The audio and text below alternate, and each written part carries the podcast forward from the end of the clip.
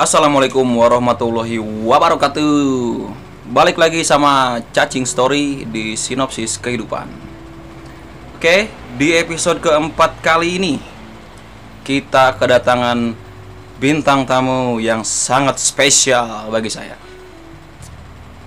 Dia ini adalah junior saya di organisasi Mapala.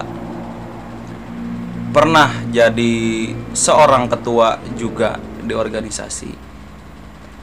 Pernah mengikuti kegiatan-kegiatan skala nasional dan eh, pernah naik gunung. Wes. Baik, tidak panjang lebar di episode keempat ini kita mulai kita sambut yang meriah Denny Apriani. Oke, thank you Bang Cacing. Oke. Jadi eh, kali ini di sinopsis kehidupan eh, kita pengen tahu banyak nih tentang perjalanan hidup seorang Denny itu seperti apa gitu dong baik yang pertama mungkin eh, bisa perkenalkan diri dulu Denny ini siapa sih Siap. Oke, di terima kasih Bang. Per- di sini saya perkenalan diri sedikit apa? Kalau kata orang tuh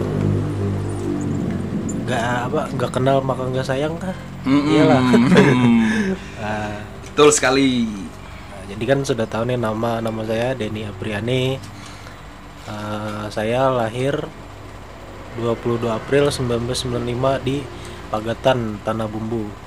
oke Nah, dan saya asli orang Tanah Bumbu. Yoi. Tepatnya tinggal di Pagatan lah.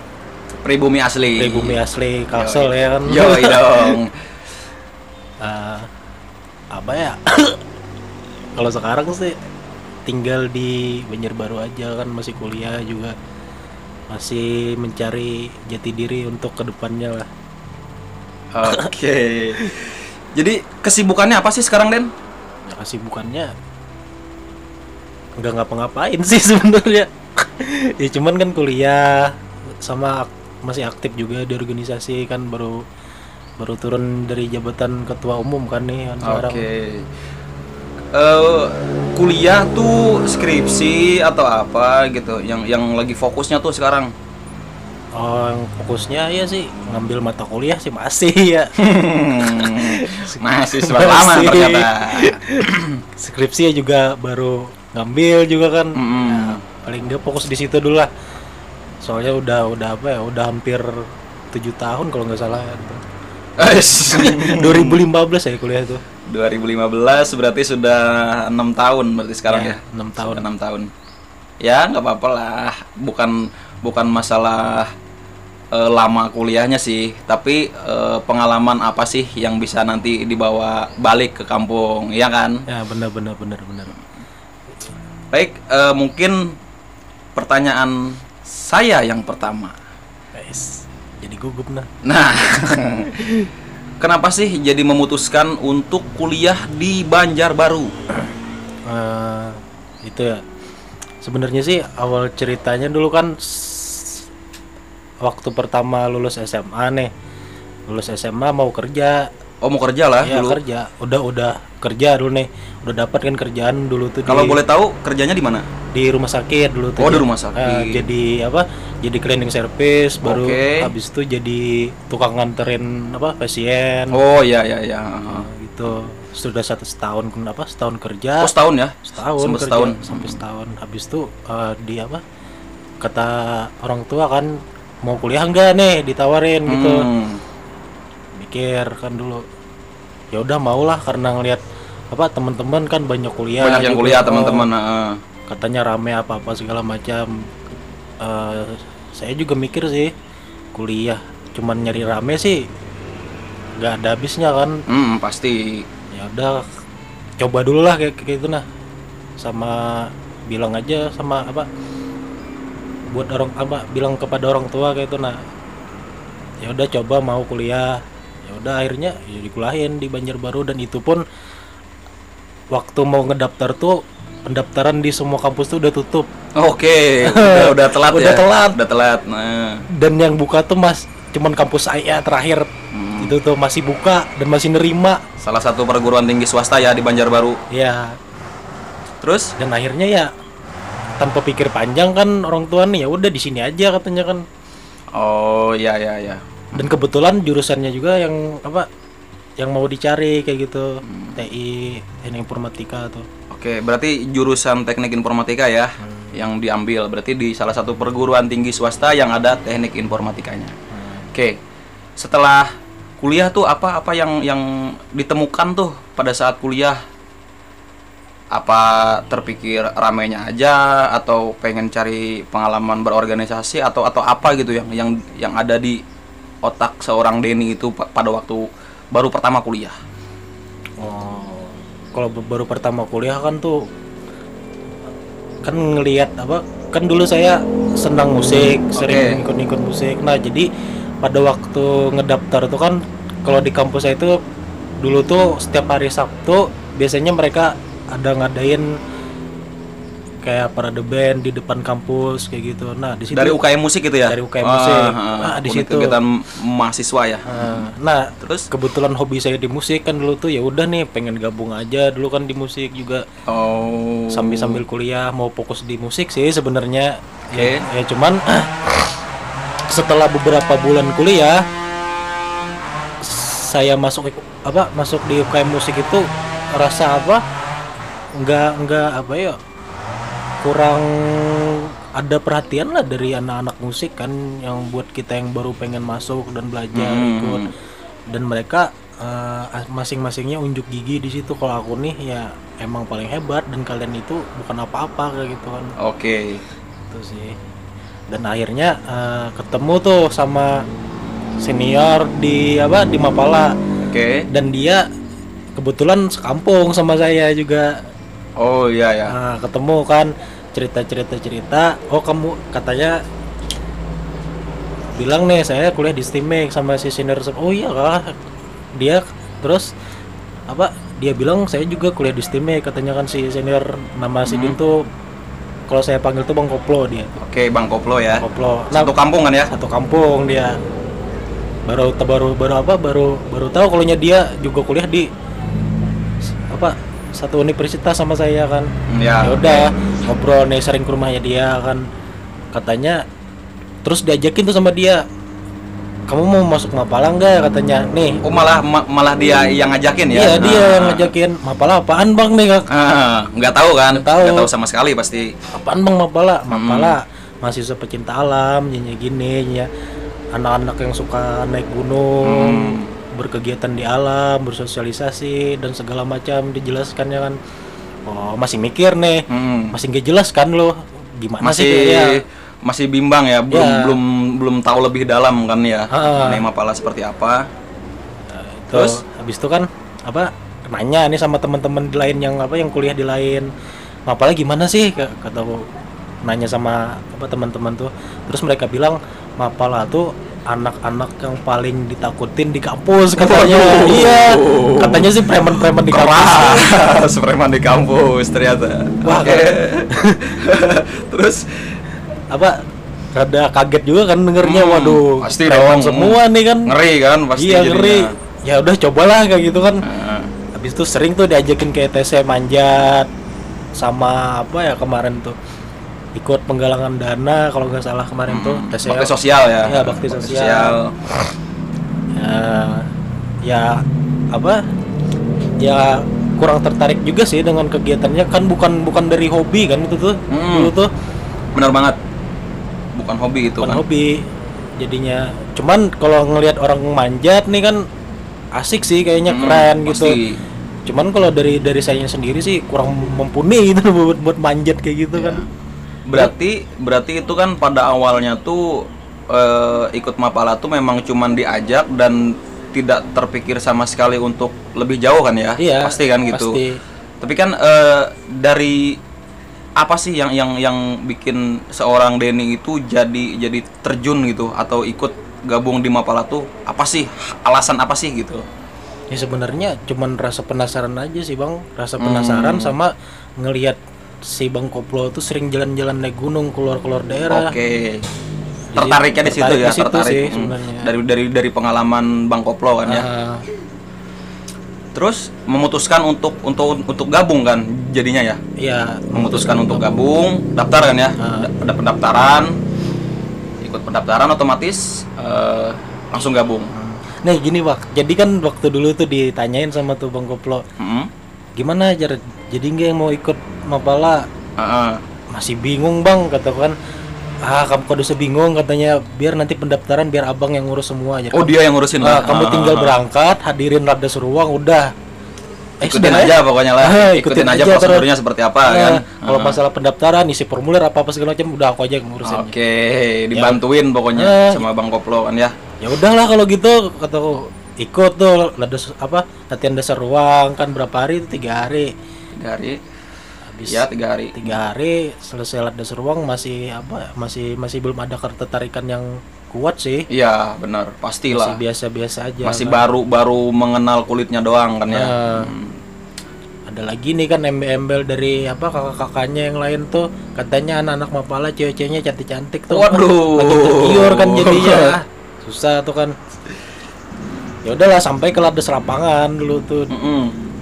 dibilangin kita uh, latihan biasa aja camping-camping di gunung katanya kan tiga hari simulasi ya udah nih artinya kan eh, latdas lapangan itu penerapan dari apa apa dari materi yang sudah diikuti pada saat di ruangan kan ya jadi Ah. bentuk aplikasinya seperti apa itu tadi di latdas lapangan lah Ah. ya kan ya benar dan sekali apa dan ternyata kan tidak sesuai ekspektasi itu kan lades lapangan Mm-mm.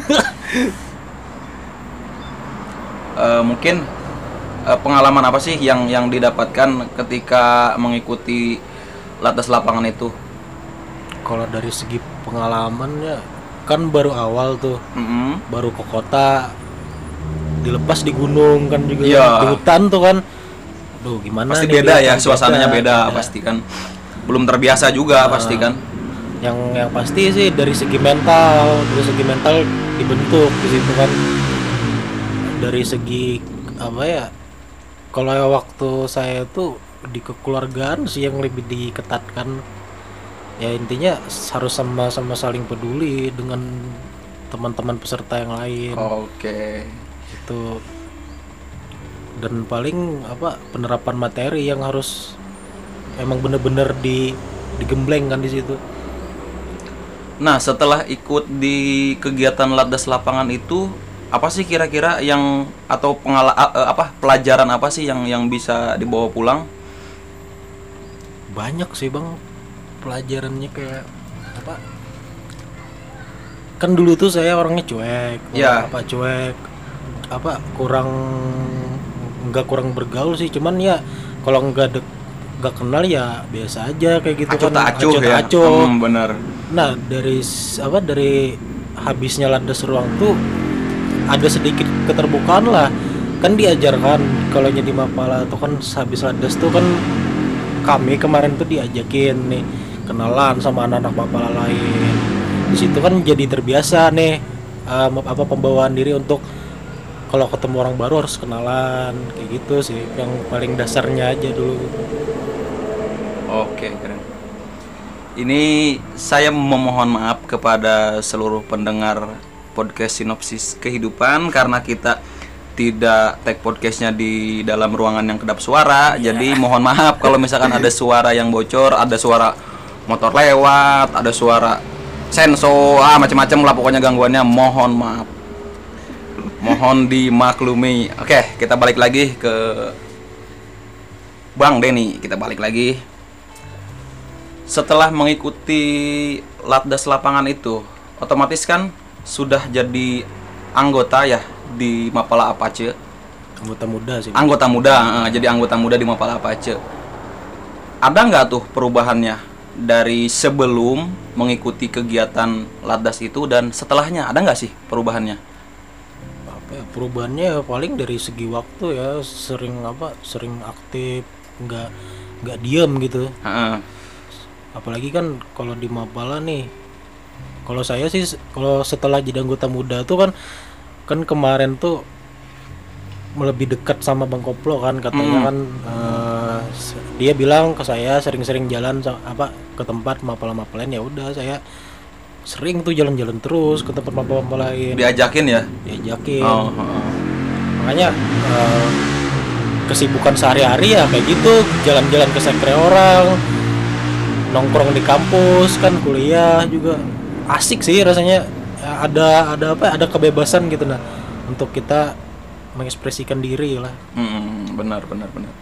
Kalau setelah apa sebelum apa sebelum latdas tuh kan biasanya kan habis kuliah pulang kalau enggak main gitar udah gitu doang tuh Hmm. kerjaan gak jelas kan tapi sama aja sih setelah latdas gak jelas juga cuman kayak menyibukkan diri sendiri aja jadinya kan Ya pasti dong.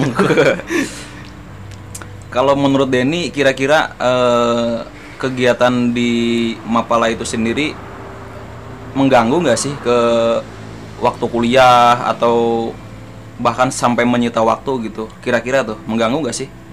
tergantung sih bang kalau misalkan kegiatan yang ngambil di hari kuliah ya otomatis kan terganggu Heeh. tapi kalau kegiatan yang ngambil di hari libur kan kalau kalau di tempat kita kan biasanya kebanyakan ngambilnya hari libur kan Iya.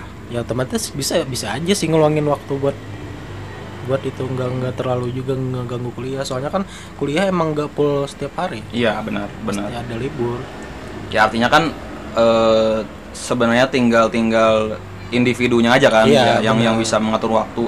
Eh, Kira-kira ini men- menyita waktu atau enggak? Tapi kalau misalkan kira-kira dirasa memang organisasi itu penting ya pastilah kita bisa meluangkan waktu dan harusnya balance antara kuliah dengan organisasi ya harus balance. Iya, karena di sisi lain kalau misalkan disebut prioritas tuh otomatis kan yang namanya kita datang dari kampung ke kota tujuannya untuk kuliah ya prioritas kita pasti kuliah dong. Ya ya kan? Bukan organisasi. Organisasi itu hanya sebatas pelengkap saja kan? Nah gitu sih. Nah terus perjalanan Denny dari anggota muda tuh sampai jadi anggota penuh terus sampai apa sih pencapaian-pencapaian se- seorang Denny itu? Di Mapala nih. Ya pencapaiannya banyak sih bang yang awalnya dari apa dari jadi anggota muda sampai jadi anggota penuh dilantik kan sampai apa pertama jadi badan pengurus. Wah itu sulit. Oke. Itu sangat sulit bagi saya. Kenapa? Soalnya kan saya baru familiarnya di situ. Sebelum sebelumnya kan belum ada pernah ikut orga apa organisasi. Oh belum belum belum pernah ikut sama sekali ya? Ya kecuali PMR kan di kesekolahan oh di sekolah ha. PMR juga ya kayak apa biasa aja kan iya PMR iya. terus? Habis itu dilantik jadi badan pengurus diberi amanah untuk jadi ketua divisi kalau nggak salah pertama tuh. Ketua divisi divisi apa tuh kalau boleh tahu? SAR Bang. Oh di SAR ya Nah, kan ada tiga divisi itu di Mapala saya tuh SAR rimba gunung sama rock climbing dia. Oke. dan saya kan lebih menonjolnya di SAR kata senior sih nggak tahu Iya. Terus eh, apa sih pencapaian-pencapaiannya sudah yang yang yang dilakukan? ya dari itu pertama kan jadi pengurus jadi ketua divisi SAR Eh, kedua jadi apa bidang LH sama logistik Ketua bidang lah, ketua, Ketua bidang. lingkungan hidup, ya pengabdian masyarakat dan lingkungan hidup. Nah, terus jadi sampai megang sekarang di logistik ya? logistik Megang di logistik juga. Hmm. Terus habis itu baru jadi ketua umum dan terakhir yang ini nih jadi ketua umum gokil. Ternyata dari orang yang datang dari kampung pengen kuliah nggak kenal nggak pernah organisasi nggak kenal sama sekali Mapala itu seperti apa ternyata bisa jadi sosok pemimpin. Gokil memang. Cuman siapa yang tahu? Rencana Tuhan siapa yang tahu? Ya ya kan? Benar benar. Tergantung kita bisa nggak sih kayak menyikapinya kayak menjalani Ah. prosesnya ya kan? Iya betul. Karena hasil tidak bakalan pernah mengkhianati proses. Hmm. Ya, sebaliknya proses tidak bakalan mengkhianati hasil gitu. Otomatis kan eh, dari latar belakang apa pun dari status sosial apa pun untuk bisa jadi seorang pemimpin itu pasti bisa ya kan? Benar. Pasti bisa. Siapa pun pasti bisa jadi jadi ketua di organisasi atau bahasanya pengen jadi pemimpin gitu pasti bisa. Nah itu salah satu pencapaian seorang Denny kan dari datang di kampung dari orang yang biasa-biasa aja sampai jadi orang yang tidak biasa-biasa saja dong kalau misalkan jadi diangkat jadi ketua nah ya sebenarnya dari diri kita sendiri juga sih bang mau enggaknya belajar Nah, itu sih yang penting. Jadi kalau misalkan kita memang pengen belajar, mau belajar terus kita konsisten sih eh, hal sesulit apa pun, target setinggi apa pun pasti bisa kita capai. iya benar Iya kan? Nah, terus eh kalau jadi pemimpin nih kan, Hmm. jadi seorang pemimpin di sebuah organisasi pasti dong ada yang namanya suka dan duka ya dong. Nah, apa tuh suka dan dukanya? apa ya? Sukanya dulu deh. Sukanya. Yang suka sukanya, yang yang enak-enaknya apa sih? Jadi jadi ketua tuh. ya enaknya sih iya nggak ada enaknya sih bang aduh Parah. ya cuman enaknya ya ngontrol-ngontrol doang ya udah gitu kan tapi Hmm. di balik di balik ngontrol doang tuh kita juga mikirin tuh apa mikirin konsekuensi Ya, tanggung jawab bener. tanggung jawab yang di Tanggung yang di jawab. bawahan-bawahan Hmm, kita kan ya. Hmm, iya, bener tuh. Terus sama apalagi kalau eh, paling enggak konsep kita harus juga paling utama mikirin kan hmm, bener pasti. banyak sih bang susahnya itu ya bagaimana mengayominya Oh, mengayomi Mengayomi lah paling. anggota-anggota Ah, kita kan ya. itu sulit tuh bagi saya tuh Oke. Artinya kan pernah tuh mengalami eh, di organisasi itu pernah yang namanya berkegiatan tuh asik banget, rame, ber- berkegiatan tuh mudah. Ada nggak tuh kendala-kendala yang dialami tuh selama menjabat jadi ketua itu apa aja sih kendala-kendalanya? banyak kendala terutama kehilangan anggota itu pasti Oke. kehilangan anggota sama Seleksi alam ya, Seleksi alam. pasti itu pasti terjadi. Terus? yang kedua eh, apa ya susahnya untuk ngumpulin anggota tuh paling susah ada juga Hmm, hmm, ngumpul oke. yang ngebik yang bisa ngebikin asik anak-anak kan yang dibawa-bawa eh habis itu banyak kepikiran sih kalau kalau saya tuh gimana nih program ini gimana nih harus bisa jalan Oke. kan kendala banyak kayak apa dari kampus mahasiswa dapat sedikit yang ngedaftar buat Ya. buat masuk mapala sedikit apalagi kemarin ada covid juga kan berapa Ya. bulan tuh pakum Ya, Ke pakum benar, sih benar. cuman dilarang berkegiatan berkegiatan Ah, jadi terbatas gitu ya Iya, susah terbatas, gitu susah. berkegiatan bener sih memang ngaruh banget yang namanya covid ini kan ada psbb apa segala macam Iya. itu memang membatasi ruang gerak sih buat organisasi itu. Pengen berkegiatan jadi susah kan ya pengen ngumpul-ngumpul dilarang kan ya macam-macam lah Ah. gitu. Se- sebenarnya pasti nih yang saya percayai di balik sebuah kesulitan itu pasti selalu ada kemudahan. Iya. ya dong pasti selalu ada jalan. Nah tinggal gimana sih caranya kita bisa menyikapinya? Kita bisa menerima dengan ikhlas kan Hmm. dari sebuah kejadian itu pasti ada hikmahnya. Ya dong. Gitu. Ya, ya pintar-pintar apa pintar-pintar kita lah nyikapinya gimana bang. Cari Benar. cari solusi yang kayak gimana nih maunya kayak apa.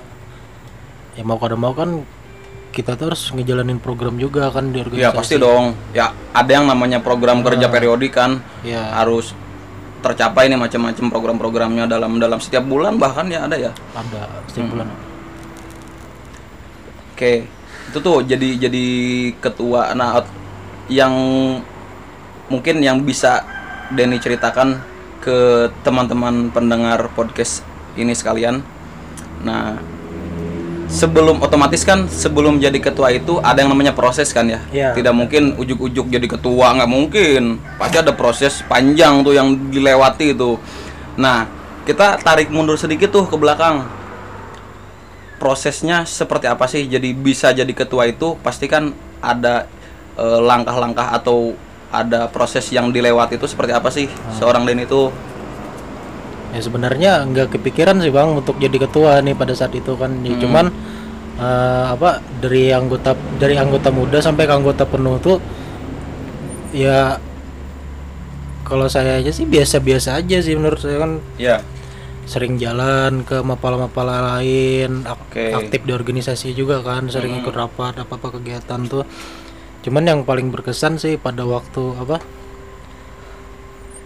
diberangkatkan oleh badan pengurus ke forum mapala se Indonesia Oke, pertemuan, ma- Pertemuan mahasiswa apa? pecinta alam se-Indonesia ya ya Di mana tuh, Den? universitas di Padang pada saat itu di Universitas Bung Hatta ya. Bun Hak- ya Bung Hatta. Universitas Bung Hatta kalau nggak salah di Padang Padang ha, tahun 2018 ya. 18 2018. Jadi Denny ini adalah salah satu delegasi dari Mapala Pace yang diberangkatkan langsung untuk menghadiri eh, forum temu wicara dan kenal medan mahasiswa pecinta alam perguruan tinggi se Indonesia yang dilaksanakan di Padang. Gokil sih. baru pengalaman Nah itu kali itu. pengalaman pengen pe- pengen tahu tuh pengalaman-pengalaman yang bisa sampai ke Padang itu gimana sih? Itu seru banget pas itu. Perjalanannya gimana, Gila terus di sana ngapain? gila asli gila itu bang. Hmm. kan disuruh berangkat nih diberi amanah untuk menyampaikan apa isu isu isu apa isu sosial kan yang ada di Isu di, di tempat kita. Dan itu waduh berat tuh untuk menyampaikannya ke sana kan. Ya udah nih ikutin aja kan dulu yang penting kan mau aja dulu nih sebenarnya. Ya. ya udah berangkat. Kemarin sama anak-anak Mapala Meratus Win Antasari Banjarmasin kan. Ya. Sama mereka tuh gabung. Berangkatnya itu naik kapal. Kapal laut ya. kapal laut. Oke. berapa hari itu dua dua hari kah? Eh enggak enggak. Sehari sehari kalau nggak salah tuh. Di kapal lautnya? Di kapal lautnya saat ah, satu hari satu itu hari full gitu ya. iya satu hari dua malam lah paling ah, ah, ah. Satu Terus? hari dua malam. Habis naik kapal kan di kapal tuh kayak orang bingung aja udah kan nggak- bingung mau ngapa-ngapain ah, keluar laut kan kiri kanan tidur susah ya pasti dong. ah terus habis naik kapal kan sampai Surabaya tuh Ah, sampai di Surabaya. sampai Surabaya bingung lagi kita nih mau naik apa Naik transportasi apa ya? Ah. kan kemarin tujuannya dari Surabaya langsung mau ke Jakarta nih kan Ah. mampir dulu ke Mapala apa ya lupa Arkadia mampir tuh di situ Arkadia Ja- Jakarta ya? Jakarta, Uin Uin- Uin Sarif Hidayatullah. ya Uin Sarif Jakarta. Hidayatullah. Hmm, Terus di Surabaya nih kan malam tengah malam nyampe hmm. Tuh perjalanannya dari Surabaya naik apa tuh ke Jakarta? Naik Surabaya tuh eh, kami ngegrab dulu sih bang ngegrab sampai ke apa terminal eh enggak apa Dari pelabuhan Tanjung Perak ya ke pelabuhan mana? Ke tempat kereta api apa sih Oh stasiun. Stasiun, Ke stasiun. kereta api terus Ah, naik, naik, kereta otomatis kan ya? enggak enggak tapi di di situ tuh kereta udah udah udah udah ngebuka katanya kan jam berapa Jam ya? berapa sih? Jam 2 baru buka pada saat itu tuh jam satu kalau nggak salah Jam satu malam? jam satu malam Oh, Oke, ha, ha, terus nggak buka ya berarti ya? enggak ya ya udah nih kita cari bis aja kata anak-anak kan ya udah nyari bis jalan kaki itu ke terminal bus Oh dari stasiun itu jalan kaki Jalan lagi kaki. karena nggak ada kereta yang berangkat ke Jakarta. Heeh. Oke, terus jalan kaki ke terminal bus. ya Oke, terus nyari nih kan terminal bus dapat di mana ya itu lupa tempatnya tuh Mm-mm. ya pastinya dapat nih habis itu ya udah naik bus itu Oke. naik bus kan sampai apa? Sampai mana ya tuh lupa. Pokoknya sampai Bandung kalau nggak salah itu transit tuh di situ tuh. Heeh. sampai Bandung transit. Itu berapa jam tuh di jalan tuh? nggak berapa jam berapa hari itu bang? Dua hari kalau nggak Oh, salah dua hari, lama juga ya. iya dua hari itu kok terus sampai di Bandung, sampai Bandung transit, transit terus? lanjut ke Jakarta. Oke. satu hari satu malam kalau nggak salah tuh malam baru sampai Heeh. di Jakarta kan Oke, terus di Jakarta ngapain tuh? sampai di Arkadia malam ya udah nginep nginep di sana kan satu malam nih Hmm. besok kan baru ada bis lagi katanya nginep aja tuh di Arkadia nginep ngobrol-ngobrol kan sama anak-anak kan besoknya baru berangkat pagi Oke. naik bis lagi tuh dari Jakarta ke Padang Naik bis dari Jakarta ke Padang. iya naik bis Gila memang. Artinya perjalanannya dari untuk untuk menghadiri acara itu ya udah udah panjang banget tuh rentetan perjalanannya itu panjang banget. Terus dari Jakarta tuh naik Ah. bis tujuan Padang kan ya? Tujuan Otomatis Padang. yang bis lintas Sumatera ya. ah, Nah, terus Sumatera tiga hari itu bang nyebrang dong pasti Nyebrang. dari Meda- dari Merak ke Bakauheni kan di Ah, di Lampung. ya Lampung nyebrang tuh tapi sebentar aja nggak nggak lama sih. Nggak lama dekat sih. Paling yang Selat lamanya Sunda kan dari lama dari apa? Dari Lampung ke mana? Ke Padangnya, tiga hari kalau nggak salah tuh. Tiga hari ya? Perjalanan. Oke terus? Tidur kan uang uang udah udah udah apa ya? Udah menipis kan tuh. Makan nggak karuan juga tidur kedinginan AC bus nggak biasa. Nggak biasa kan. nggak biasa. Ya pokoknya asik sih sebenarnya asik kalau emang dinikmatin aja ya gitu. dinikmati prosesnya kan ya perjalanannya. Biarpun jauh nggak terasa capek sih kalau misalkan kita menikmati dengan ikhlas ya kan? Iya pasti. benar. nyampe di di Padang itu di terminal bis atau di di, Di terminal mana tuh? bis, di terminal oh, di bis. terminal bis Ah. dulu terus? Habis itu naik apa naik grab lagi kan anak-anak sudah sudah apa sudah bosan nih katanya di bis. Ya udah Ah. mesen grab aja yang lebih enak katanya kan. Nah, terus? Sampai ke? Sampai ke Universitas Bung Hatta. Bung Hatta. Heeh, oh Situ berarti dari dari terminal itu nge-grab lagi, Ah. nge-grab sampai ke universitas. Udah beres terus. udah udah nyampe beres, itu udah nyampe kegiatan ma- ma- apa belum mulai kan ya pasti ya? udah mulai itu bang Oh sudah sudah, udah mulai Oh. ya cuman kan apa di kemarin tuh ada molor gitu kata anak-anak Heeh. jadi masih sempat kita tuh daftar daftar ulang apa apa segala macam masih sempat Oh, masih bisa tuh masih registrasi bisa kita. masih bisa Oh. registrasi Oke, terus? Ya udah kan sampai registrasi selesai makan dulu kan nih santai. Habis itu baru langsung langsung baru mulai sidang ya udah hari pertama. Nggak nggak nggak ngerti sih awalnya nggak ngerti gini. Apaan sih kan kan? Nggak ngerti. Habis itu setelah beriring jalannya waktu oh udah udah paham nih sebenarnya apa sih tujuan dari TWKM itu gimana anunya Oke, for your info ini ya. Jadi yang namanya TWKM atau temu wicara dan kenal medan itu adalah ada dua ada dua dua ke- kegiatan yang berbeda tuh. Yang pertama ada yang namanya TW. TW itu adalah temu wicara. Temu wicara itu adalah sebuah forum di mana isi-isinya atau pesertanya itu biasanya sih delegasi-delegasi organisasi yang yang jadi pengurus ya, badan Iya, jadi pengurus pengurus. biasanya, badan pengurus yang didelegasikan untuk mengikuti forum yang membahas di situ mengenai keorganisasian dan lingkungan hidup ya hmm. dan lingkungan hidup. Kemudian di Kenal Medan ini biasanya ada berbagai macam tuh, berbagai macam bidangnya. Jadi ada kenal medan di gunung ya, di rimba gunung, ada yang di rock climbing, ada yang di caving, penelusuran goa, ada yang di diving, ya penyelaman, terus ada di apa lagi? Eh, orat orad, o- o- apa? camping anu apa Arung jeram. Arjer ya Arung jeram. Jadi macam-macam tuh, tergantung dari an- Jadi tempatnya biasanya berbeda-beda. Tapi kalau misalkan temu bicaranya di, se- di sebuah gedung pasti, Ah, di sebuah gedung di tempat pertemuan dan kenal medannya bisa di mana-mana tuh nanti. Nah gitu. ya TWKM tuh gitu. just info kan Just for your info. kawan-kawan yang ada yang nggak tahu kenapa tuh TWKM Dan itu pesertanya dari Sabang sampai Merauke. iya benar bang Nah, jadi mapa, eh, mapala-mapala yang datang itu ada yang dari eh, ujung Aceh sana, ada yang dari Ambon kan ya, ada Iya. yang dari Papua Barat, ah, dari Papuanya juga ada. Nah, jadi berbagai macam eh, universitas dan berbagai macam suku, berbagai macam orang tuh ngumpul jadi satu. Wah, gila asli gila forum gila tuh bang bener forum gila gimana nggak gila kita tiap hari disuruh mikir kok di situ aduh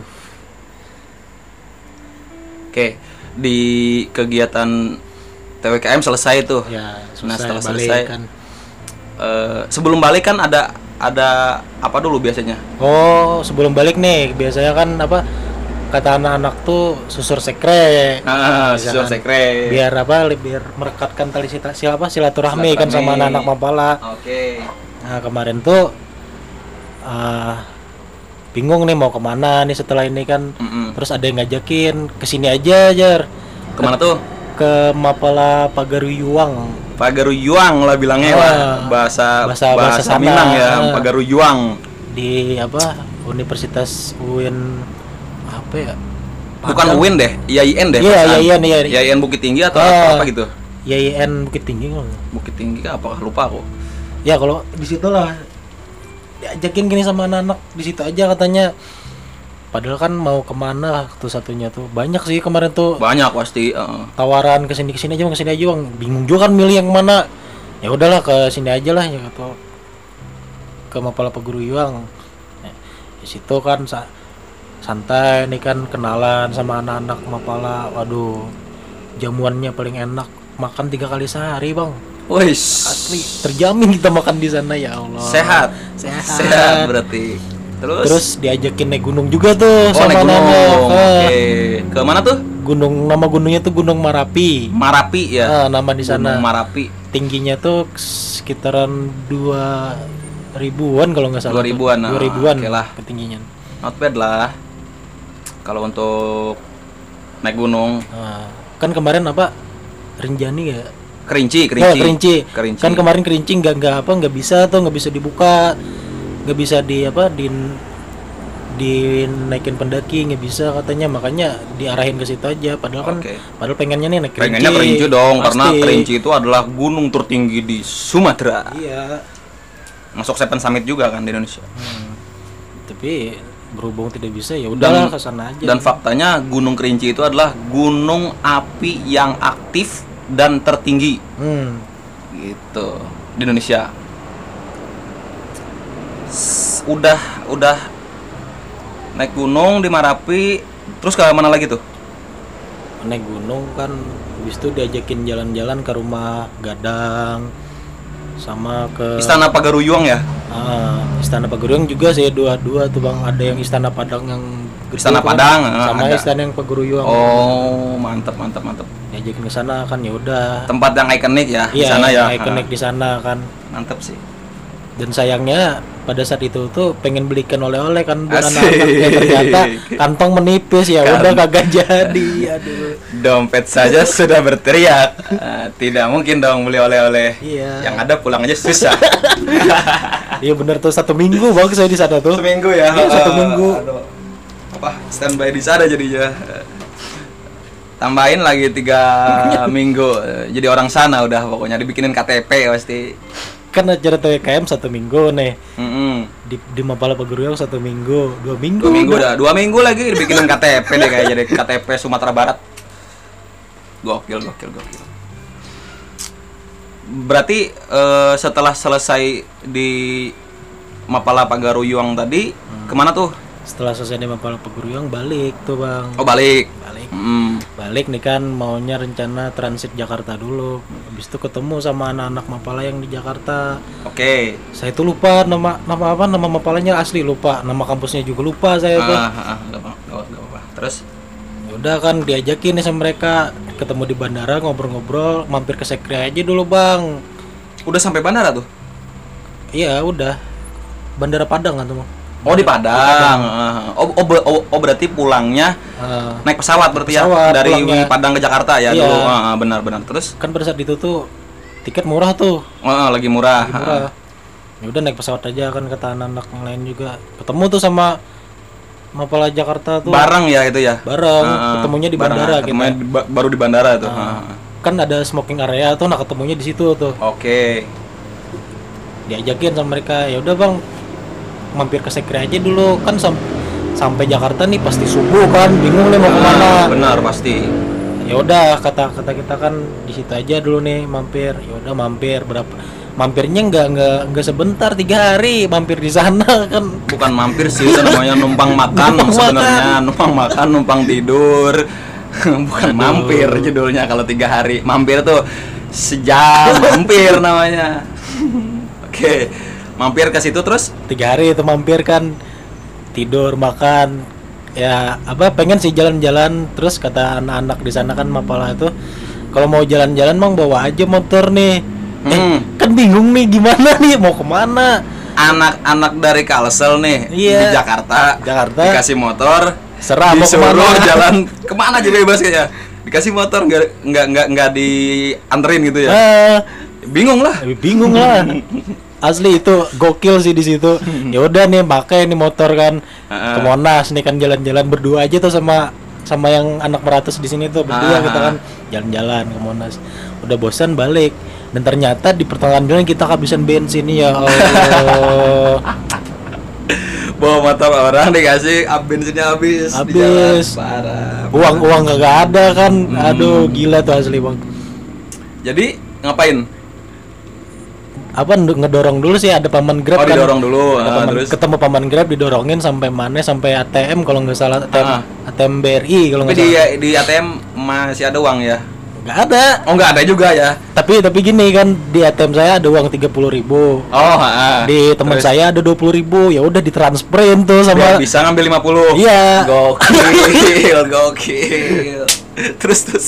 ya udah kan udah udah nih udah nih Aduh. ditransferin nyari bank kalsel lagi susah ya Allah Ny- Nyari bank kalsel di Jakarta nggak ada Ya, nggak ada lah. ya nggak ada kan ya udah ya udah nih cari yang bank yang bisa narik lima puluh ribu udah ATM bersama ya. ATM ha, bersama. ATM bersama. ah. terus terus ketemu nih ATM BRI kalau nggak salah tuh Mm. BRI bisa naik lima puluh ribu narik kan ya bisa dapat uang beli bensin ya udah balik balik langsung tidur kecapean dorong motor Kecapean, kecapean. ya lum- lumayan jauh satu kilo kalau nggak salah tuh Ah. mana handphone di situ mati kan Oh, handphone mati juga ya? dua-duanya mati ya, Nggak nggak bisa ngontek siapa-siapa jadinya. Heeh. Eh, kan tol sih. tolol banget itu paling asli Gila.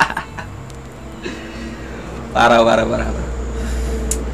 Berarti nginep lagi ya di situ ya? Nginep, Nginep. lagi Tiga terus hari. oh tiga hari ya. Tiga hari itu. Tadi tiga hari ya. Terus habis nginep di situ kan eh, apa sama si seniornya buat merat anak-anak meratus kan katanya ke sini aja ke Mapol Arkadia katanya oh disuruh ke Arkadia lagi. Ha. kan banyak di situ tuh anggotanya dia ya udah ikut aja nih kan Hmm.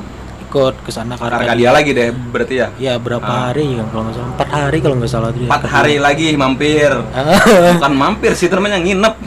ya di nah tapi di Arkadia saya dapat sedikit pengalaman sih Ha, apa tuh? nah di situ saya diajarin apa arung jeram sama anak-anak Arkadia dan Oh diajakin diajakin Algram, oh. belajar emang khusus buat kita tuh kan Oke. diajarinnya di situ ya udah makanya sampai empat hari kan di sana belajar kita di situ Oh mantep sih.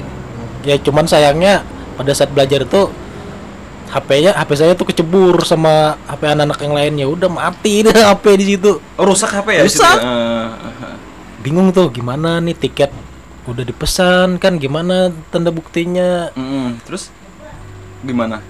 Ya, kebetulan kan tiket di email kan, email Oh, ya, masih di ingat. email kan, ha, Nah, benar, terus benar. kami ya udah kami print aja tuh tiket. Oh tiketnya? Eh, di print. ah, benar-benar bisa. Bisa tuh. Ya udah gitu aja deh sa- salah satunya kan di print. Habis setelah itu udah sampai tanggalnya balik nih kan gak bisa juga ngubungin anak-anak sekre kan. Tapi Oh, sebelum sebelumnya sudah sudah bilang nih berangkat tanggal sini baliknya.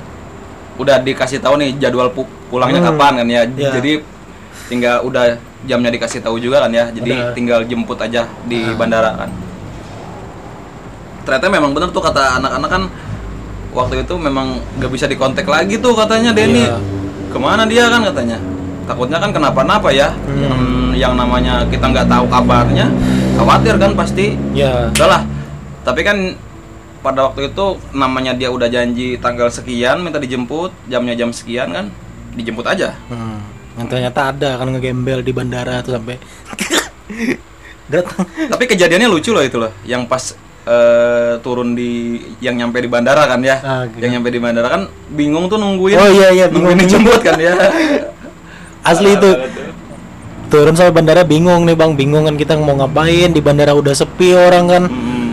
Eh ternyata ada apa? Ada om-om kalau nggak salah tuh Hmm. om-om di situ kan dia pegang HP ya udah kita pinjam HP-nya buat ngontekin ngontekin anak-anak di sekre. Ngontekin aja udah tuh ya udah kan. minta dijemput lah Ah. intinya. Udah nyampe di bandara tuh, udah Ah. nyampe di bandara Samsudin Nur. Ya Nah, dan ternyata lah, anu apa dalam menunggu kan akhirnya datang juga kan anak-anak yang jemput tapi ada yang lucu nih. apa pada saat penjemputan tuh di bandara tuh. Jadi yang disuruh jemput itu adalah orang yang tidak tahu sama sekali jemput orang tuh gimana. Jadi datang ke bandara, nungguin di luar bandara yang nggak ketemu lah. Nungguinnya di kan ada pintu masuk tuh. nggak masuk dia ha- harusnya kan dia tuh ngambil tiket Ah, parkir motor parkir kan motor, masuk baru ke masuk dalam. ke kedatangan kan Iya. ke pintu kedatangan harusnya Iya, harusnya tuh. selayaknya manusia normal seperti itu dong harusnya nah ini tidak tidak dilakukan jadi nunggunya di luar di luar bener-bener di luar masih di jalannya Ya, elah, nungguinnya emang- emang gitu jadi jalan kaki. ini udah ada udah udah nungguin di luar ini nungguin di dalam ini nungguin dijemput ini nungguin yang jemputnya aduh miskomunikasi jadinya parah. Tapi tapi kok mereka tahu tapi ketemu Ah, jadinya ketemu. dicari. nyari lah. Parah sih. Asli gokil gokil. gokil. Tuh udah tuh cerita cerita di Padang. Nah eh, faktanya sih Denny ini pertama kali naik gunung sama saya. Ya. pertama kali banget naik gunung itu ke Gunung Halau-Halau ya? Hmm. ke Gunung Halau-Halau tahun 2018 jadi ceritanya tuh kenapa jadi bisa naik gunung? Jadi kita ada tuh tamu dari temen saya dari Mapagama UGM Oke. eh, bermalam tuh di Sekre. Jadi dia itu pengen naik gunung halau-halau. Jadi minta dianterin. Nah kebetulan kita emang free ya? Emang Free, free. emang free, emang emang emang lagi nggak ada kegiatan organisasi lah yang yang yang padat pada waktu itu. Dan Hmm. kita putusin oke deh kita bisa berangkat. Tapi yang nganterin kan aku terus eh, Denny dan almarhum Dwi yang bisa nganterin. Dia sendiri. Nah eh, Cewek pulang cewek lagi ya cewek lagi.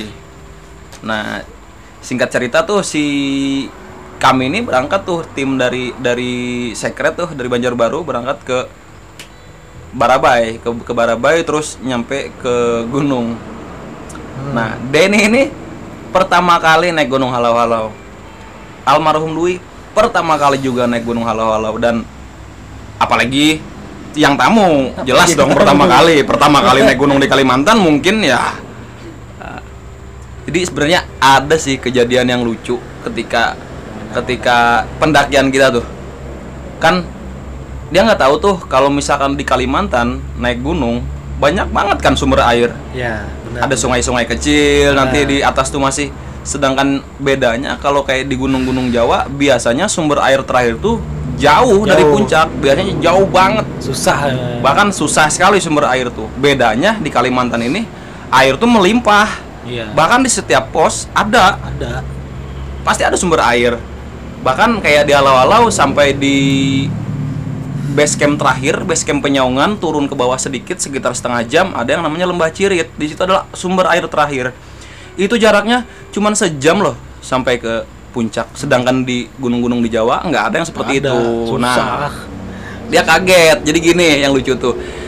Dia beli itu beli air mineral yang ukuran 1,5 liter tuh. Ah. dari Banjarbaru dong bawa beli. Iya, nggak tahu beli. kita kita Iya, nggak kita nggak ada yang tahu sama sekali Dia nggak bilang kan, dan kita nggak ngecek apa packingannya dia. nggak ngecek juga nggak enak dong Nggak kita enak, kan ngecek cewek kan. masa ngecek ngecek Arno eh, barang di, di Tamu lagi kan. di ya. tamu lagi nggak enak banget kan jadi dia itu bawa eh, air mineral tadi itu kalau nggak salah nih ada empat botol deh otomatis kan kalau misalkan itu 1,5 liter ada 6 liter dong air yang dibawa sama kayak jerigen lah yang gede dibawa dan kita baru tahu itu ketika nyampe di desa loh. Ya, di desa terakhir di kan desa ya terakhir. di desa Kiyu heeh. jadi pas di desa Kiyu di desa Kiyu itu dia bongkar bongkar tas dia tuh bongkar packingan dia. Ternyata dia kok banyak banget bawa bawa air mineral. Katanya takut nggak ada air nanti bang di sini Astagfirullahaladzim Azim. Kitanya juga jadi pengen tertawa tapi takut dosa ya. Dikira apa? Mungkin di, dikira aja sama kayak di Jawa kan dia su- kalau naik gunung itu susah. Nah, faktanya padahal di jadi kita jelasin tuh kalau di Kalimantan itu naik gunung sumber air ya Sudah dekat. pasti aman gitu lah kalau masalah air jadi bahkan kita itu nggak ada bawa air sama ada. sekali loh dari desa loh karena Kosong. kita cuman bawa botol kosong biasanya. Nggak pernah bawa air dari kota gitu bawa bawa pe- persediaan banyak-banyak. Nggak usah karena di jalan aja nanti kita nyampe pos kita bisa dapat air. Bahkan di sepanjang jalur trekking juga nanti ada sungai-sungai kecil yang bisa kita ambil airnya. Dan itu bersih bisa kita minum. Jadi udahlah disimpan aja di kan kita nginep kan ya ya gini nginep di rumah-rumah warga tuh Nah. di Ciu tuh udah kita titipin aja barang-barang yang nggak nggak perlu penting. dibawa tuh kayak, kayak air tadi tuh kita simpan aja Hmm. kita bawa botol-botol kosong aja udah cukup sebenarnya sih karena banyak banget kan dan lucunya dia ini banyak sekali bawa buah-buahan loh pada waktu itu iya iya Iya kan? benar benar benar. kayak buah pir gitu Ah. dia bawa satu kilo baru ba- baru itu loh kita naik gunung enak banget. Buah-buahan Makan buah, ya, makan, makan enak sehat, jadinya, kan. makan sehat. Dan kebetulan kita itu naik gunung halau-halau itu pada saat dekat sama hari Kartini loh. Ya hari kartini Iya. Bang. hari kartini. dekat sama hari, hari bulan Kartini. April kalau nggak salah itu kan ya bulan April. Eh enggak hari bumi kalau nggak salah bang. Hari hari Kartini. Oh iya, hari Kartini. Kartini. Pas di puncak itu hari Kartini. Ah, ah, ah. Jadi eh pas banget tuh kan momennya dia cewek kan. Peringatan hari Kartini dia muncak di Gunung Halau-Halau keren banget tuh pokoknya. Iya benar dan ada sih eh, pengalaman-pengalaman seru ya. Karena di awal-awal bulan eh awal-awal tahun tuh kan biasanya kan masih masuk musim penghujan ya. Kebetulan kita datang ke situ tuh emang Sudah- sudah- emang lagi musim hujan ya dari kita berangkat juga udah udah udah welcome hujan kan udah dikasih Dikasih welcome hujan. sama Gunung Halau-Halau udah diguyur hujan kita per- pertama kali ngetrek itu jadi yang namanya di Kalimantan ya Kalimantan itu kan hutan hujan tropis hmm. otomatis kan vegetasinya kan rapat sekali Hmm. nah dan binatang yang yang kalau misalkan cuacanya hu- hujan terus lembab pacet di tempat kita. Pacet dong Pacet, banyak. pacet. ah lagi lagi berkembang biak dia. lagi banyak banyaknya itu pacet kita tuh. Nah yang lucu kita tuh pas ngetrek dia kaget tuh apa? katanya kan. Apa nih kan? ini? Ngisep-ngisep darah kan Ngisep tambah gede darah, tambah ah, gede. nempel di kaki kan ada yang nempel di tangan di telinga macam-macam di mana aja. Pokoknya kalau misalkan kita ngeres lama aja misalkan ngeres duduk aja. lama aja. Udah udah penuh udah penuh kaki itu di kan. kaki itu wow udah udah udah ada lima nempel nanti tuh pacet itu. Sampai yang apa di almarhum sampai mau masuk ke telinga tuh kan. Masuk ke telinga. Ada tuh masuk ke telinga tuh. Untung gak masuk beneran ke lubangnya ya Hmm. Allah. Kaget itu bang kaget pasti. Nah jadi pengalaman banget katanya. Katanya aku baru kali ini naik gunung kayak yang nemuin pacet itu baru-baru ini naik naik gunung graboid. Penuh dengan pacet. Parah tuh. Pengalaman pengalaman halau-halau tuh bagi Denny itu apa sih? Kalau bagi saya ya eh sebenarnya kan udah udah sering juga apa dengar cerita dari teman-teman kan Hmm. hal-hal gimana sih. Ya nggak nggak kaget sih sebenarnya dengan medan yang se ekstrem itu kan. Iya. Cuman kan dari saya kan baru perdana sama sekali naik perdana gunung naik gunung perdana kan asli. bener. Yang dulunya apa anak kosan anak rebahan kan. Kaum rebahan. Eh, tiba-tiba ya suka naik gunung. Oke. Tapi emang asik sih naik gunung ya Allah. Capeknya emang ya pasti capek lah yang namanya naik gunung kan jalan kaki bawa carrier.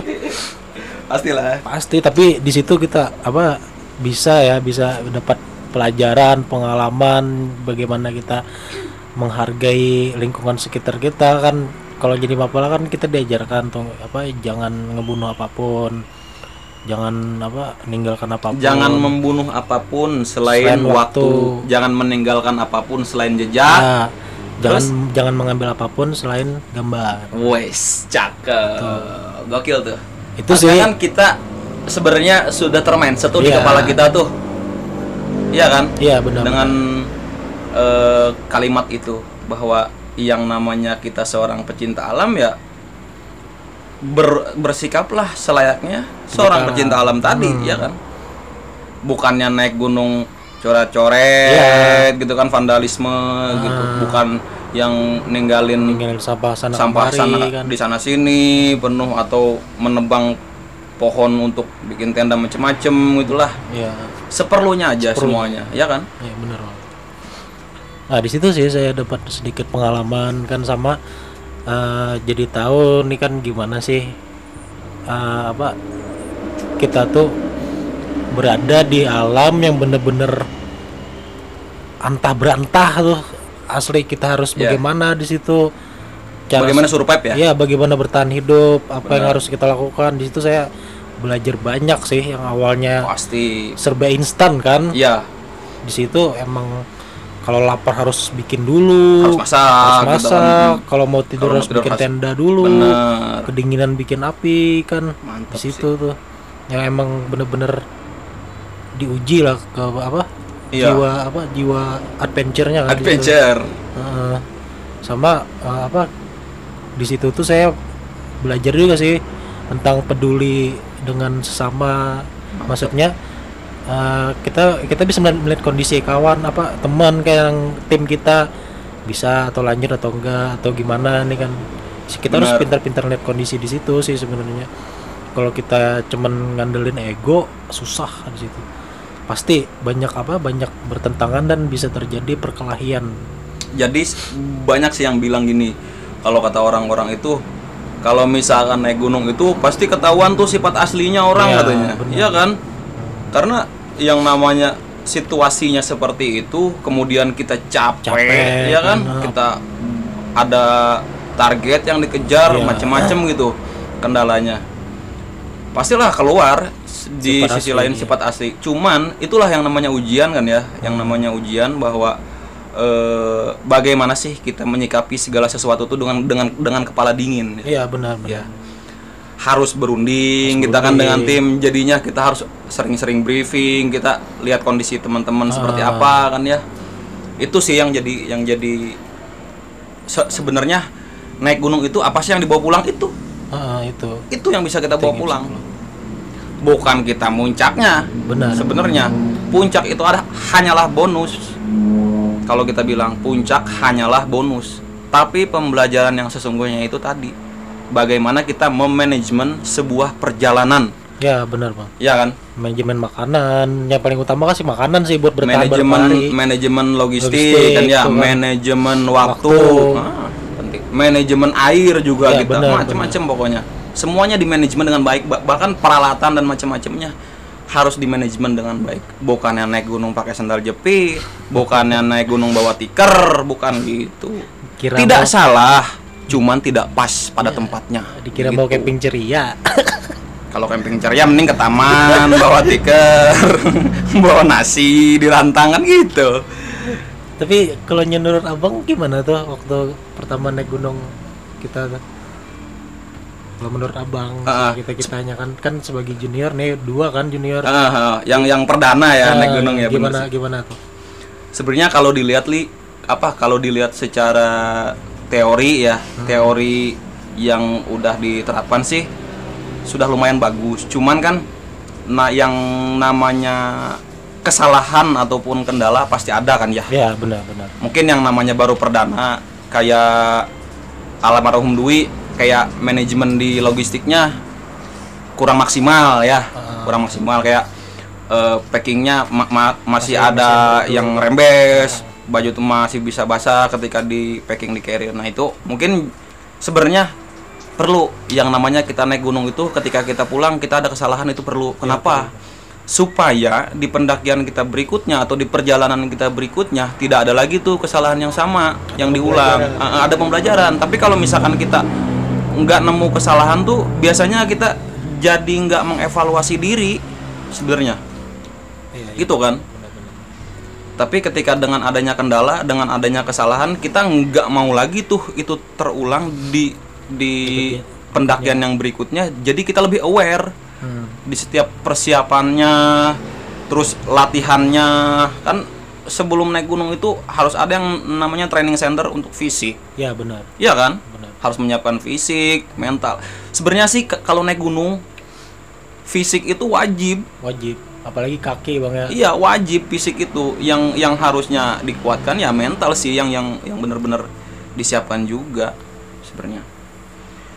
Cuman kalau dilihat dari pengalaman pertama sebagai eh, yang mendaki not bad sih sudah lumayan bagus. Cuman ya tetap aja ada ada masih ada kesalahan-kesalahan kecil yang itu sih masih bisa diperbaiki dan masih bisa di- ditoleransi. Pasti Ah, pasti ah, ada pasti ada sih. nggak ada yang sempurna kan kecuali rokok Tidak ada, tidak ada yang sempurna. Tidak ada yang sempurna selain Andre and the Backbone.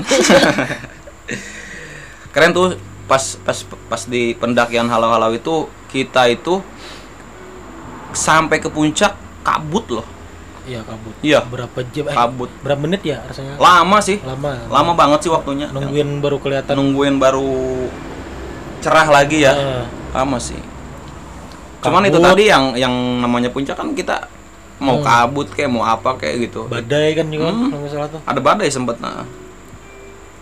Dan nggak ada pendaki lain loh itu kalau nggak salah tuh. Ada bang eh a- ada kah yang oh satu grup tapi Ya, cuman puncak satu grup dia. doang dia heeh, dia ngecamp di puncak. Satu grup doang tapi nggak ada lagi tuh selain itu.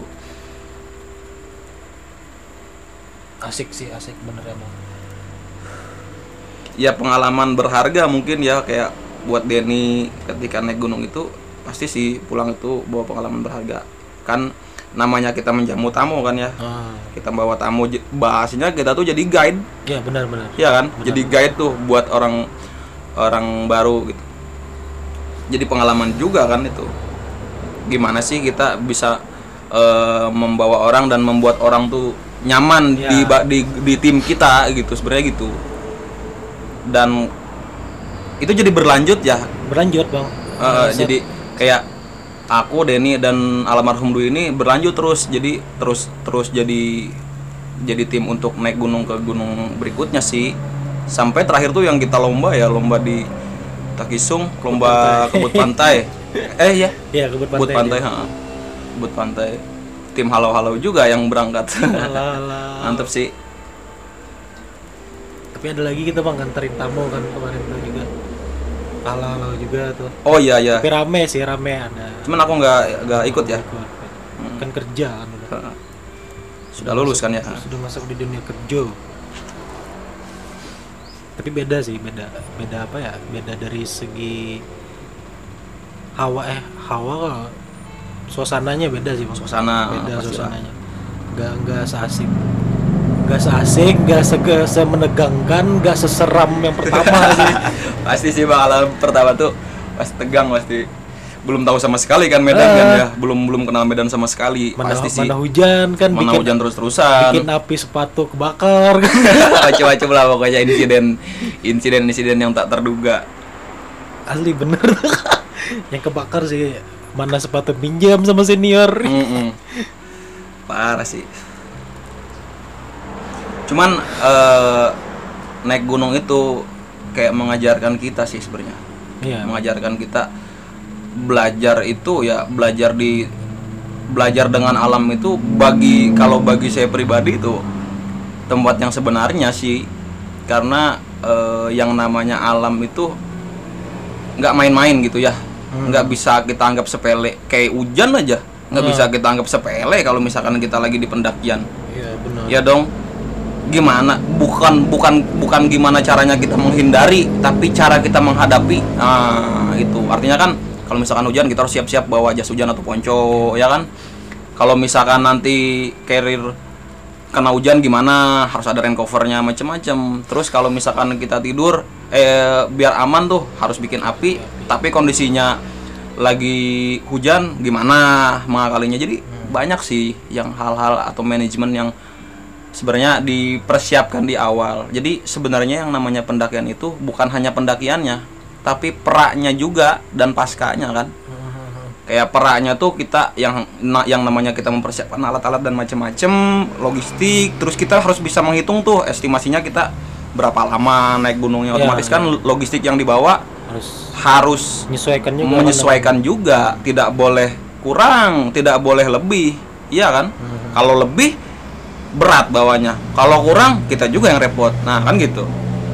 Manajemen kan itu Manajemen, artinya. manajemen. nah ketika paskanya juga gimana sih eh, treatmentnya pasca pendakian? Treatment untuk alat yang jelas ya. Ya treatment untuk alat treatment pasti. untuk alat seperti apa kita dicuci atau gimana perawatannya macam-macam gitu. Jadi bukan hanya di pendakiannya saja sih titik fokusnya tapi pra kegiatannya paskanya Pasca. gitu sih naik gunung tuh. Kalau pasca sih ya eh, nggak nggak ribet banget sih. Ya paling kayak alat dibersihin dan lain-lain kayak apa? Perbaikan gizi kan ya. Perbaikan gigi mungkin yang makannya Ah, porsinya makannya, mungkin porsinya. kurang karena tidak mungkin juga kayak, kayak kayak kita mau ngetrek nih misalkan 9 jam kita ngetrek jalan tuh. Iya makan banyak kan aduh. Makan banyak tidak mungkin. Jadi kita harus menyesuaikan juga dengan dengan dengan kondisinya Ah. gitu. Tidak sembarangan lah intinya. Kalau naik gunung tuh ya minimal eh, ada yang ilmu yang teori-teori dasar pendakian tuh ya harus diterapkan gitu sih. Nah itu kan pengalaman naik gunung tuh. Setelah beberapa kali naik gunung kan Denny beberapa kali dan mm, apa naik gunung ke lain terus dengan kegiatan ke kegiatan lain apa sih hal yang paling berkesan buat seorang Denny tuh di organisasi Mapala ini? Apa sih kira-kira hal yang paling berkesan? Apa ya, berkesannya? Banyak sih bang yang buat saya berkesan ya terutama kayak tadi apa pertama naik gunung pertama ngikutin forum jauh itu Heeh. sudah berkesan banget. Yang apalagi kan sekarang udah selesai jadi ketua nggak nyangka sih sebenarnya bisa jadi seorang ketua gitu. Benar. Yang, yang dari awalnya biasa-biasa aja kan yang nggak ngerti apa-apa pengen tahu aja gitu nah penasaran. Tapi bisa kan? Tapi bisa. Nah itu. Tuh. Cuman banyak sih pelajaran yang saya dapat yang terutama eh, apa bagaimana cara berorganisasi bagaimana kita cara peduli dengan lingkungan bagaimana apa bersosialisasi apa bersosialisasi dengan orang-orang baru nah itu mantap. Benar. Emang emang ada kayak itu di di Mapala itu tuh sebenarnya. Paket komplit pokoknya Paket di komplit Mapala lah. itu paket komplit. Hmm, ilmu. semua ada. Tinggal kitanya saja.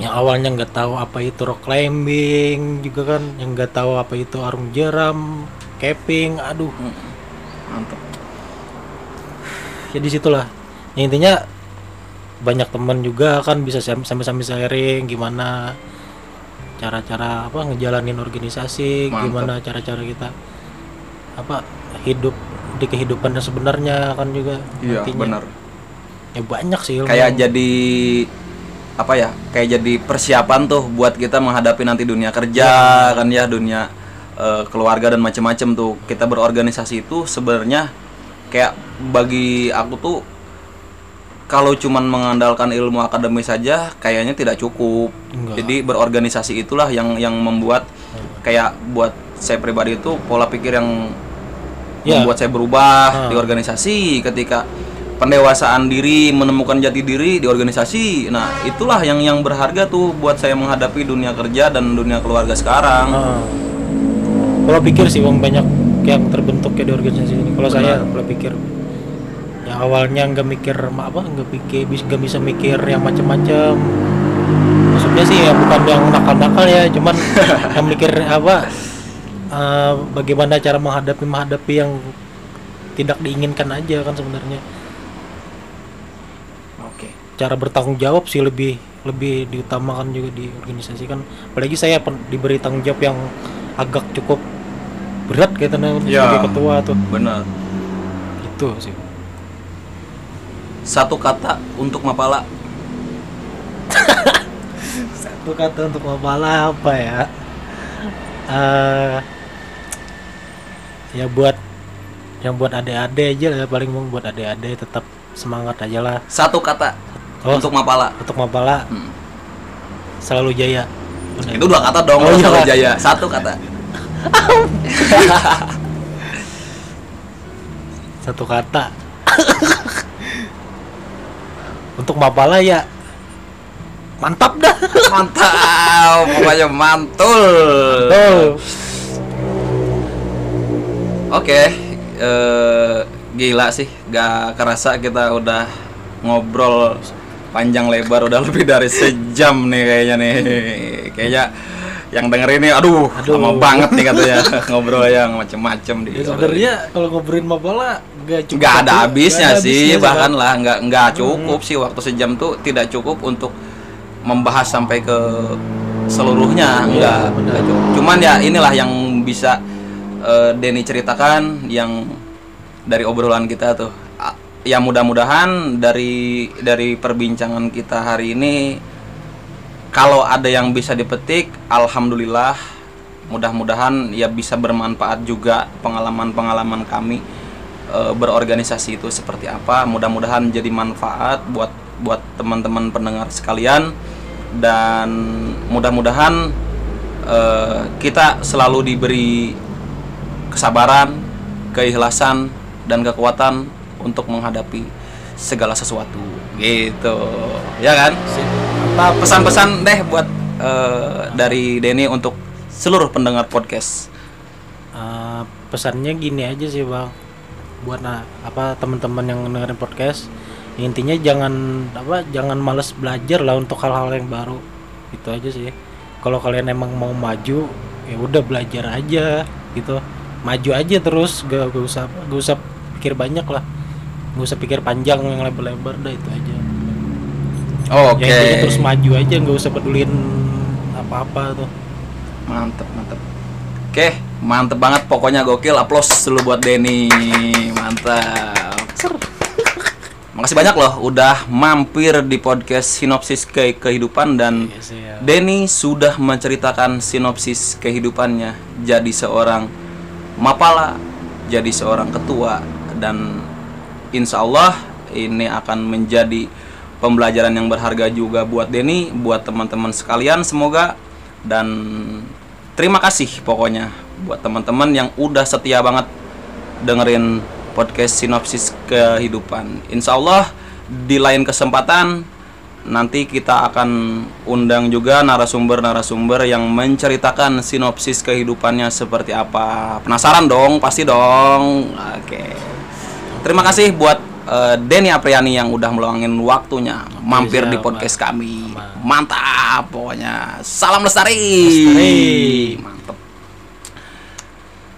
ini cacing story, ini sinopsis kehidupan.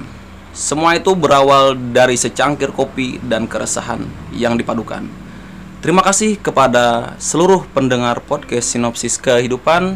Semoga hari ini hari yang bahagia buat kalian semua. Semoga hari esok akan jauh lebih membahagiakan buat teman-teman sekalian. Terima kasih yang sudah mendengarkan. Mungkin itu saja yang bisa kami ceritakan. Salah hilapnya mohon maaf. Wassalamualaikum warahmatullahi wabarakatuh.